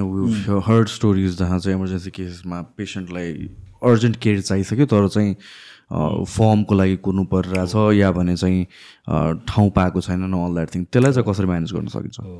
त्यही त। यस्तो छ। फर्स्ट अफ अल त्यसको लागि तपाईँलाई ओभरअल देशकै पहिला क्यापेसिटी हेर्नु पऱ्यो अब हामी जति रिसोर्स छ त्यही युटिलाइज गर्ने हो होइन? हामीले अझै पनि जुन डब्लुएचओले रिकमेन्ड गरे अनुसारको हामीसँग हेल्थ केयर प्रोफेसनल्स छैन त्यो किसिम त्यति नम्बरमा फ्रन्टलाइन डक्टर्सहरू छैनन्। नर्सहरूको रेसियो अझै कम छ। अझै कतिजना त कति धेरै म्याक्सिमम् त माइग्रेट गर्दै गइरहनु भएको छ। अनि ह्युमन रिसोर्स क्यापेसिटी कम छ। तपाईँको ल्याबको कुरा त अब यति ऊ छ प्रब्लमहरू छ डायग्नोस्टिक्स रेडियोलोजी होइन? त्यो सर्भिस त दिनु पऱ्यो नि त कसैले। त्यहाँ जाँदैमा त अटोमेटिक त सबै हुँदैन नि हो। त्यो त्यसमा पहिला चाहिँ त्यो ग्याप पुरा गर्नु पऱ्यो र अर्को चाहिँ त्यो त आजको भोलि हुँदैन। त्यो त्यसको लागि अघि मैले भने जस्तै प्रायोरिटाइज गर्नु पऱ्यो क्या ट्रायज गर्नु पऱ्यो रेड क्याटेगोरीको बिरामीलाई चाहिँ एक्सपिडाइट गर्न सक्नु पऱ्यो उनीहरूको चाहिँ ल्याबको रिपोर्ट रेड क्याटेगोरीको बिरामीको रिपोर्ट चाहिँ एक घन्टाभित्र आउने हो भने ग्रिन क्याटेगोरीको सेम रिपोर्ट चाहिँ चार घन्टापछि आए पनि हुन्छ। तर त्यो एक घन्टाभित्र आउने मेकानिजम त एस्योर गरिदिनु पऱ्यो नि त। तपाईँले मेजर गर्नु पऱ्यो तपाईँको टर्न अराउन्ड टाइम कति छ त अहिले रिसेन्ट जस्तै मैले तपाईँले विराटमा हामीले एउटा काम गरेका थियौँ। पेसेन्ट डिस्चार्जको पेसेन्ट बिहान चाहिँ राउन्डमा चाहिँ डक्टरहरूले डिस्चार्ज गर्ने भनेर डिसिजन गर्नुभयो। डिस्चार्ज हुने बेलासम्म साँझ पर्छ। त्यत्रो दिन त्यो हस्पिटलमा बसेर जति उहाँहरू सेटिस्फाइड हुन्थ्यो जाने दिन चाहिँ डिसेटिस्फाइड भएर जानुहुन्छ। अनि त्यहाँ गएर बिलिङमा प्रब्लम हुन्छ। अनि त्यहाँबाट चाहिँ कन्फ्लिक्ट सुरु हुन्छ। नि लास्टमा चाहिँ भाइलेन्ट बिहेभियर्समा जान सक्छ। अनि के गऱ्यौँ भन्दाखेरि हामीले चाहिँ एभ्री डिस्चार्ज गर्ने डिसिजन भइसकेपछि कहाँ कहाँ हो त्यो टाइम पोइन्टहरू त्यो टाइम पोइन्टहरू आइडेन्टिफाई गरेर कहाँ रहेछ त हर्डल होइन हर्डल आइडेन्टिफाई गऱ्यौँ। अनि त्यसलाई करेक्ट गरेपछि we could reduce turn around time of discharge from eight hours to two आवर्ससम्म चाहिँ रिड्युस भयो कि। मिन्स कति कुराहरू चाहिँ त्यो प्रोसेस इम्प्रुभमेन्टको पार्ट हो कि। थाहा हुँदैन जबसम्म हामी मेजर गर्दैनौँ नि हामीले थाहा नै हुँदैन कि कहाँनिर हर्डल भइरहेछ भनेर। इमर्जेन्सी पनि त्यही हो। रेड पेसेन्टको चाहिँ हामीले ल एक घन्टाभित्र रिपोर्ट आउनुपर्छ भने चाहिँ त्यो चाहिँ हाम्रो बेन्चमार्क हो हामीले गर्नै पर्छ तर भइरहेको छैन भने चाहिँ किन भइरहेको छैन भने चाहिँ त्यो कन्टिन्युस एसेसमेन्ट इम्प्रुभमेन्ट एफर्ट्सहरू चाहिँ लगाउनुपर्छ। So the way I look at it अहिले हामीले डिस्कस गरेको कति कुराहरू यो त हस्पिटलहरू त इन्डिपेन्डेन्टली नै रन गरेर जस्तो देखियो उनीहरूको गभर्निङ बडी नै एउटा असेस गरिदिने या भन्छ अकाउन्टेबल पारिदिने बडी नै छैन जस्तो देखियो कि। सो यसको बारेमा पनि किनभने अगेन त्यो ट्रस्टको कुरा पनि छ र अर्को कुरा भनेको चाहिँ ला लाइबिलिटी कुरा पनि आयो नि त because doctors are holding all the liability on themselves जस्तो भयो किनभने पेसेन्टको पर्सपेक्टिभमा त उही नै हो सबै कुरा। र सो यो ब्यालेन्स को बिचमा त्यहाँ ग्याप मेजर ग्यापहरू देखिरहेको छ भनेपछि यो कन्भर्सेसन भइरहेको छ कि छैन अन दिस लेभल कि यो स्ट्रक्चर्स यो हुनुपर्ने हो भनेर? छैन मेरो नलेजमा चाहिँ यो कन्भर्सेसन भइरहेको छैन र अब एकदम कुनै पनि मेकानिजमै छैन त नभनौँ होइन त्यहाँनिर health care care health care delivery गर्ने लाइक मिनिस्ट्रियल लेभलदेखि लिएर डिफ्रेन्ट अर्गनाइजेसनहरू त छन्। तर यो किसिमले जुन अहिले मैले भनिरहेको छु नि केयर डेलिभरी इम्प्रुभ कसरी गर्ने भन्नेमा चाहिँ चाहिँ मिनिस्ट्री अफ हेल्थ अन्तर्गतै पनि छन् सर्टेन डिभिजनहरू छन् त्यहाँनिर त्यहाँ पनि एफर्ट्स नभएको होइन। तर मैले भन्नु खोजेको चाहिँ ट्रान्सलेट भइरहेको छैन क्या प्र्याक्टिसमा रियल वर्ल्डमा ट्रान्सलेट भइरहेको छैन त्यो कुराहरू। जस्तै तपाईँले हरेक हस्पिटलमा जानुभयो भने त्यहाँ अगाडि एउटा नागरिक बडा पत्र भनेर लेखा हुन्छ। त्यहाँनिर चाहिँ सर्टेन तोकिएको हुन्छ कि? ल अरूमा नि हुन्छ like most of the government organization हुन्छ। यो जस्तै लाइसेन्सको चाहिँ यति दिनभित्र आउनुपर्छ त्यो भने जस्तै त्यहाँ पनि लेखिया हुन्छ। त्यो लेख्दैमा त हुँदैन नि त। त्यो भइरहेको छ कि छैन भनेर कसले मेजर गरिरहेछ त? त्यो मेजर नगरिकन चाहिँ जुन मैले लर्निङ हेल्थ सिस्टमको मोडल भने त्यो फुल पुरा हुँदैन। पुरा नभएपछि अनि हामी जहिले पनि रियाक्टिभ डिसिजनहरू वान टाइम डिसिजनहरू गरेर हुन्छौँ त्यो सस्टेनेबल हुँदैन। कन्टिन्युस एफोर्ट्स लगाए पो त्यो इम्प्रुभ हुँदै जाने हो। त्यो चाहिँ छैन। म चाहिँ एकदम ब्रेभली नै भन्न सक्छु। हाम्रो देशमा चाहिँ त्यो सिस्टम चाहिँ छैन जुन हुनुपर्ने हो र त्यो यसबारे खासै डिस्कसन पनि भएको छैन। सो यो डिस्कसन इनिसिएट हुनुपर्ने चाहिँ कहाँ हुनुपर्ने चाहिँ हामीबाटै हो। जस्तै मैबाट हो। एभ्री हेल्थ केयर प्रोफेसनलको लेभलबाट हुनुपर्छ। एभ्री हस्पिटल्स केयर्समा इन्भल्भ भएको एभ्री मान्छेले चाहिँ अब यो कुराहरू चाहिँ उठाउनुपर्छ। हाम्रो पेसेन्ट सेफ्टी प्रोटोकल के हो? हाम्रो स्ट्यान्डर्ड्स के हो? हामी के मेजर गर्ने? के चाहिँ हाम्रो बेस्ट प्र्याक्टिसेस के हो? हाम्रो क्वालिटी मेजरमेन्ट कसरी भइरहेको छ? भन्ने कुरा चाहिँ अब डिस्कसन गर्नु। केही कुराहरू चाहिँ भएका छन् नभएको चाहिँ म एकदम जिरो त भन्दिनँ तर तिनीहरू चाहिँ भिजिबल भइरहेको छैनन् कि त्यति इफेक्टिभ भइरहेको छैनन्। जस्तै फर इक्जाम्पल अब अहिले आइसीमा चाहिँ हामीले के गरिरहेछौँ भन्दाखेरि मैले चाहिँ रेजिस्ट्रीको कुरा फेरि जोड्न चाहेँ होइन?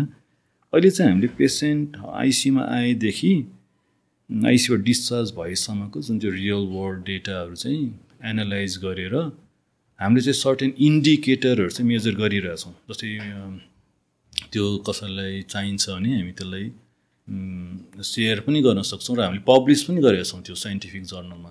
हामीले चाहिँ जस्तै क्वालिटी इन्डिकेटरहरू भन्छ क्या जस्तै फर इक्जाम्पल अब आइसीमा कस्तो हुन्छ भन्दाखेरि कुनै बिरामी भेन्टिलेटरमा छ अरे होइन? उसको मुखमा चाहिँ एउटा पाइप हाल्या हुन्छ एन्डोट्रेकल ट्युब भन्ने। कहिलेकाहीँ बिरामीले त्यो थुत्दिनुहुन्छ।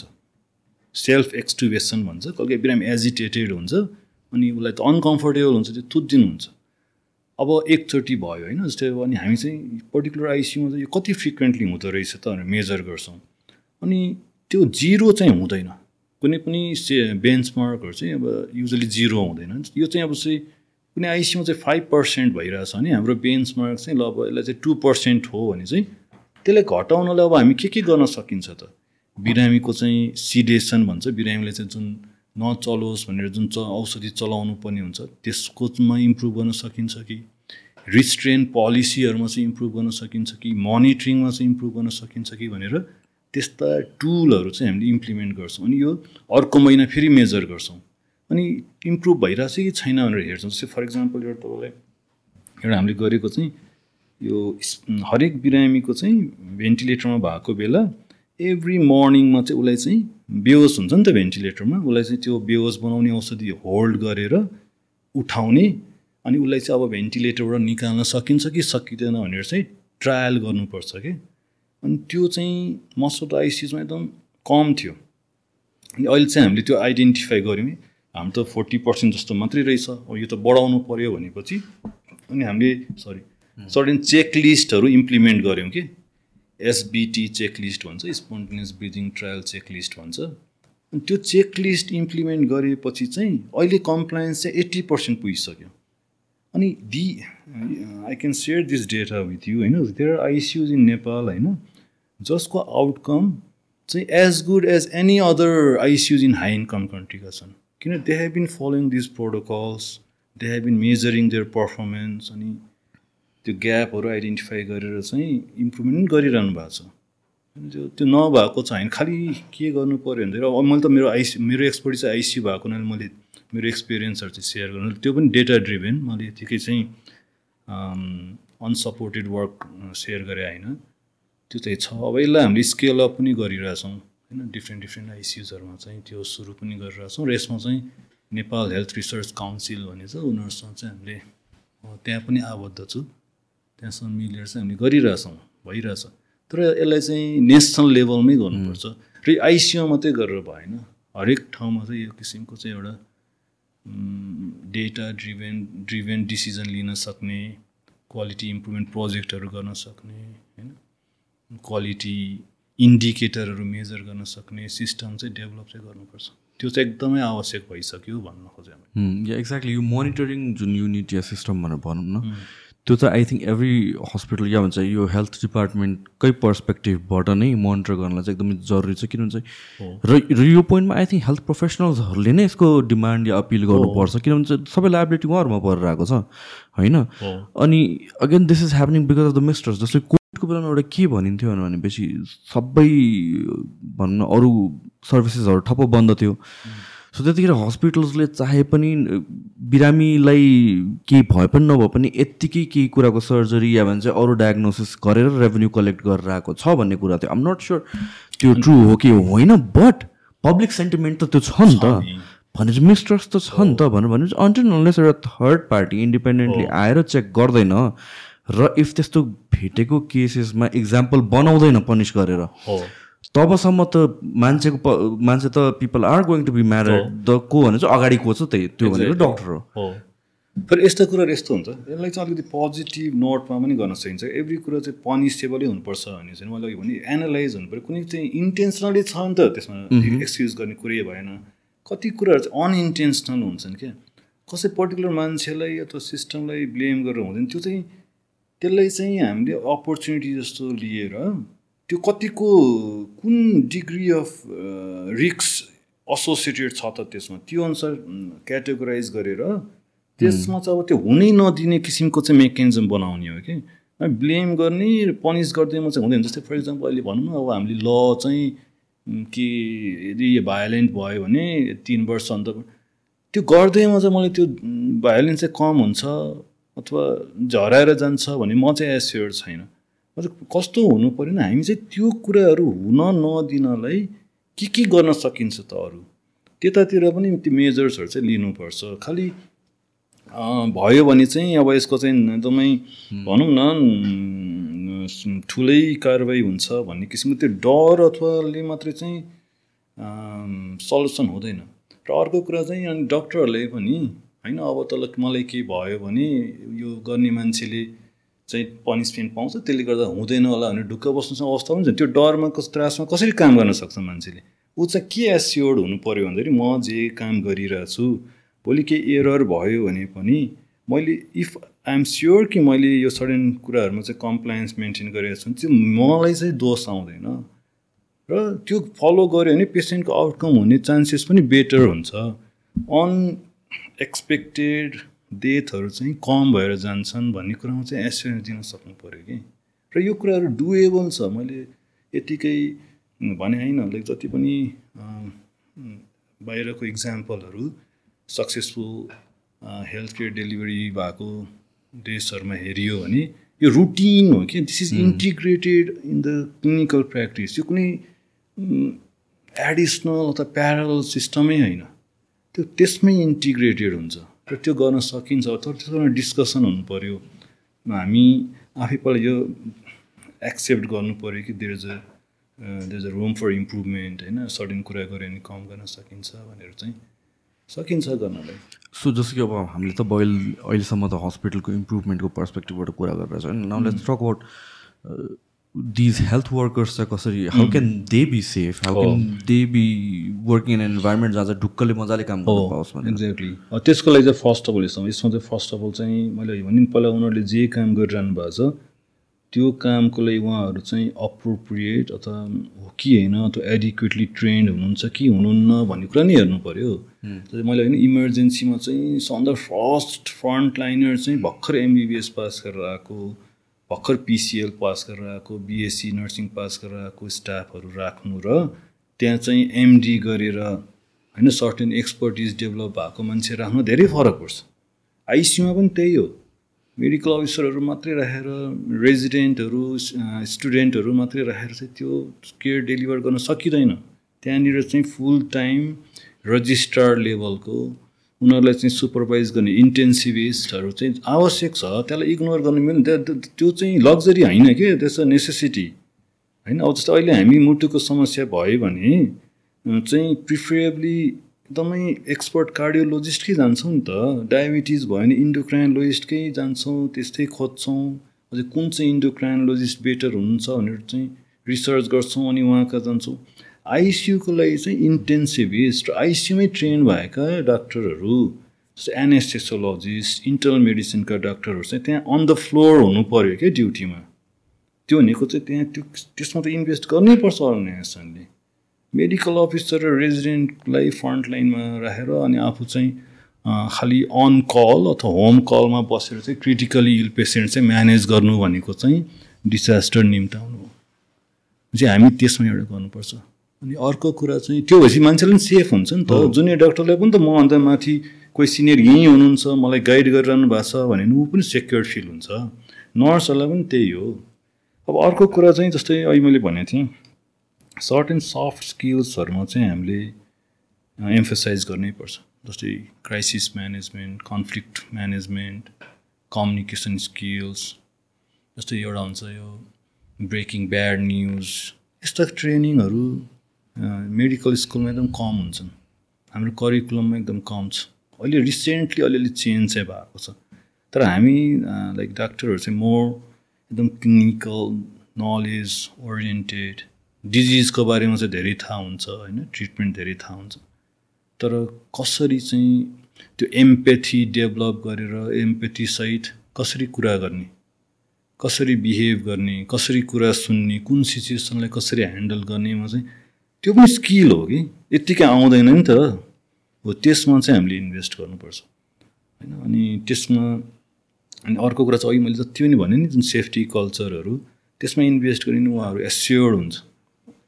अनि अर्को एउटा गर्नुपर्ने चाहिँ के छ भन्दाखेरि यो इन्सिडेन्ट रिपोर्टिङ भन्छ क्या जस्तै कुनै इन्सिडेन्ट भयो होइन आइसियुमा अथवा इमर्जेन्सीमा त्यो चाहिँ रिपोर्ट गर्नुपर्छ।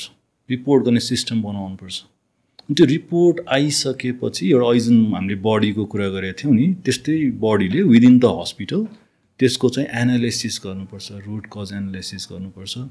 अनि पोसिबल त्यो चाहिँ अब प्रिभेन्टेबल थियो कि थिएन भनेर चाहिँ अब नेक्स्टचोटि नहुन दिनलाई चाहिँ केही इन्टरभेन्स केही एक्सन लिनुपर्छ कि? त्यो चाहिँ एक किसिमको इन्सिडेन्ट रिपोर्टिङ र कन्टिन्युस क्वालिटी इम्प्रुभमेन्टमै पर्छ। यो रुटिन हो यो लाइक इभन होटलहरूमा पनि हुन्छ। होटलहरूमा हुन्छ टुरिज्म इन्डस्ट्रीमा हुन्छ हस्पिटालिटीमा हुन्छ इन्सिडेन्ट रिपोर्टिङहरू जस्तै युटिलिटीको हुन्छ फायरको इस्युहरू हुन्छ लिकेजको कुराहरू हुन्छ होइन?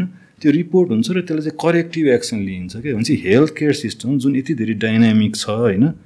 त्यो रिपोर्टिङ सिस्टम पनि छैन। र कहिले कस्तो हुन्छ मैले रिपोर्ट गरेँ भने चाहिँ उल्टी मैले मलाई पो अब्जस आउने हो कि भन्ने डर पनि हुन्छ। त्यस्तो त्यस्तो कुरा चाहिँ एनोनिमसली पनि रिपोर्ट गर्ने सिस्टम बनाउनुपर्छ एड्रेस हुनुपर्छ। त्यो भएपछि मान्छेले के हुन्छ भन्दाखेरि अनि बल्ल मान्छे बोल्न थाल्छ। अनि they can talk about the problems problem थाहा भए पो अनि त्यो चाहिँ सल्भ गर्न सकिन्छ। लुकाएर त भएन नि त। अनि त्यो किसिमको होइन जुनियर स्टाफहरूलाई चाहिँ सजिलो हुन्छ। अनि अर्को एउटा के कल्चर छ भन्दाखेरि हामी कहाँ? म पनि त्यसबाट भोगेको छु होइन? अब म पनि समटाइम्स मैले पनि त्यस्तो गरेँ होला। ब्लेम गेम गर्ने अनि जस्तै अब सिनियर स्टाफहरूबाट चाहिँ जुनियर स्टाफहरूलाई चाहिँ पेसेन्टकै अगाडि अथवा फ्यामिलीकै अगाडि चाहिँ इनअप्रोप्रिएटली बिहेभ गरिदिने कि ह्यारेस ह्यारेस एक किसिमको ह्यारेसमेन्टै हुने होइन? त्यो सब हामी सबैले भोगेका छौँ त्यसबाट चाहिँ त्यो सिकेर चाहिँ इम्प्रुभ गर्नुपर्छ जस्तो लाग्छ मलाई होइन? मैले पनि भोगेको छु। म पनि त्यो म पनि कहिले त्यसको जिम्मेवारी जिम्मेवार पोजिसनमा पनि थिएँ होइन। But I have learn my lessons मैले त्यसरी इम्प्रुभ गर्ने कोसिस गरेको छु। त्यो भने पनि जुनियरहरूलाई चाहिँ एस्योर्ड हुन्छ। There so many things we can discuss we can do about त्यस्तो छ। त्यो चाहिँ गर्नु जरुरी छ। आई थिङ्क प्रिटी मच मैले कभर गर्छु। Anything you would like to होइन मलाई एक दुईवटा चाहिँ जस्तै मलाई भन्न मन लागेको चाहिँ अब जस्तै हामीले धेरै कुराहरू अब सिस्टम इम्प्रुभमेन्ट क्वालिटीमा कुरा गऱ्यौँ तर there are certain sectors in Nepal होइन?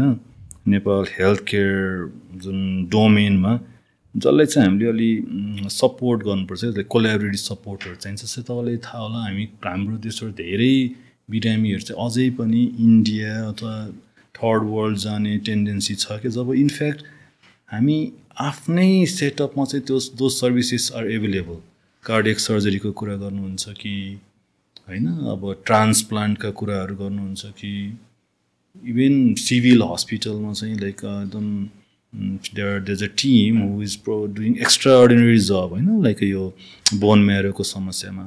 त्यस्तै ट्रान्सप्लान्ट सेन्टर छ गङ्गालाल छ। There so many hospital teaching hospital भयो त आउट अफ काठमाडौँ पनि जस्तो there organization like Birat medical group होइन? दे हेभ इस्ट्याब्लिस उता चितवनमा भनौँ। दे हेभ इस्ट्याब्लिस रियली एकदम state of the art cancer इन्स्टिट्युटहरू तर अझै पनि हाम्रो बिरामीहरू चाहिँ बाहिर गइरहनु भएको छ। चाहिँ हामीले यो यो कुराहरूलाई पनि एड्रेस गर्नुपर्छ कि? सो द्याट कस्तो हुन्छ भन्दाखेरि यो पनि अर्गनाइजेसन चाहिँ पहिला अलिक सस्टेनेबल त हुनु पऱ्यो नि त। They have invested so much त्यो कुराहरू हामीले एस्योर गरिदियो भने मेबी अरू कुराहरूमा पनि उहाँहरूले चाहिँ इन्भेस्ट गर्नलाई इन्करेज हुन्छ कि जुन यस्ता सेफ्टी कल्चरका कुराहरू। किन जुन रिसोर्सेस आर अलरेडी धेर त्यो प्रपर युटिलाइजेसन भइदियो भने दे विल इन्करेज के? होइन? अनि अनि त्यसको लागि चाहिँ जुन अघि मैले भने जस्तो एक्रिएटेसन सिस्टम भइदियो सर्टेन सर्भिसेसहरू चाहिँ यही हस्पिटलमा चाहिँ रिकमेन्ड गरियो भने चाहिँ बेटर हुन्छ। अर्को तपाईँलाई रिसेन्टली थाहा होला लास्ट फ्यु इयर्स चाहिँ नेपाल गभर्मेन्टले चाहिँ इन्सुरेन्स को राम्रो पोलिसी ल्याएर इम्प्लिमेन्ट पनि गरेको थियो। तर अहिले चाहिँ most of the hospitals where under insurance policy have been remove from that list होइन? अब त्यो भएपछि चाहिँ अब जुन हस्पिटलमा मात्रै इन्सुरेन्स छ नि तिनीहरू त्यो त्यो भल्युमले मात्रै त्यो सर्भिस केटर गर्न चाहिँ इम्पोसिबल छ।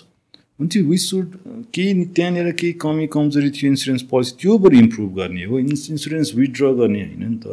लाइक हेल्थ इन्सुरेन्स हेल्थ इन्सुरेन्सको कुराहरू। इन्सुरेन्स मात्रै भइदियो भने पनि यो कति कुराहरू चाहिँ कम हुन्छ। त्यो फाइनेन्सियल बर्डन हुँदैन नि त। I think that's one of the largest liability or एउटा रिस्क फर अ फ्यामिली किनभने परिहाल्यो भने त इट्स म्यासिभ एक्सपेन्स अनि जस्तै घातक रोग इन्सुरेन्स भन्ने हुन्छ। जस्तै म भोलि आइसियु नै जानु पऱ्यो भने त्यहाँको हेल्थ केयर कस्ट यति धेरै आइसक्यो इन्सुरेन्सले कभर गरिदियो भने धेरै राहत हुन्छ नि त। अनि अब तर फेरि इन्सुरेन्स हुँदैमा पनि ठिक हुन्छ भने चाहिँ त्यो कसरी भइरहेछ त? मिसयुज भइरहेको छ कि छैन भने पनि त चेक एन्ड ब्यालेन्स गर्नु पऱ्यो नि त। होइन त्यो मेकानिजम पनि यस्तै सिस्टमबाट चाहिँ गर्न सकिन्छ जस्तो लाग्छ मलाई। त्यसले ओभरअल मैले भन्न खोजेको चाहिँ हामीले हेल्थ केयर डेलिभरी सिस्टममा इम्प्रुभ गर्न सक्ने देयर लस अफ अपर्च्युनिटिज यी कुराहरू डिस्कस गर्नु पऱ्यो र डुएबल कुराहरू धेरै ठुल्ठुलो गफ गरेर पनि भने डुएबल कुराहरू चाहिँ इम्प्लिमेन्ट गरियो भने चाहिँ इट्स पोसिबल हामी आफ्नो हेल्थ केयर सिस्टम चाहिँ इम्प्रुभ गर्न सक्छौँ पेसेन्ट सेफ्टीका कुराहरू एड्रेस गर्न सक्छौँ। र यसले ओभरअल बेनिफिट नै हुन्छ जस्तो लाग्छ। त्यसैले पनि यी कुराहरू चाहिँ सेयर गर्न जरुरी छ डिस्कस गर्न जरुरी छ जस्तो लाग्छ मलाई चाहिँ। And hopefully so I hope like यो कुरामा पनि गभर्मेन्टको some sort of I think starts with एउटा अर्गनाइजेसन इन्डिपेन्डेन्ट जसले चाहिँ अघि भने जस्तो अक्रेडिसन गरोस् अन्त त्यसपछि लाइक यो सबै कुरा मोनिटरिङ गर्ने सिस्टमहरूमा इम्प्लिमेन्ट गरोस् आई मिन त्यो नभएसम्म आई डोन्ट सी कहाँबाट स्टार्ट हुन्छ। यो एन्ड आइम सरप्राइज कि यसमा कन्भर्सेसन स्टिल हायर लेभलमा चाहिँ भएको छैन भनेर। And I hope that changes yeah let's be hopeful and thank you thank you for inviting me to this program अनि यसले केही हेल्प गर्छ कि हाम्रो लाइक फ्रेटर्निटी प्लस कम्युनिटीमा चाहिँ यो किसिमको डिस्कसनहरू चाहिँ I think people need to speak up need to discuss this things होइन? यो चाहिँ हाम्रो एभ्री हेल्थ केयर सेटिङमा चाहिँ यस्तो डिस्कसनहरू चाहिँ हुनुपर्छ जस्तो लाग्छ मलाई। Hope I hope that will happen thank you so much thank you so much हस्।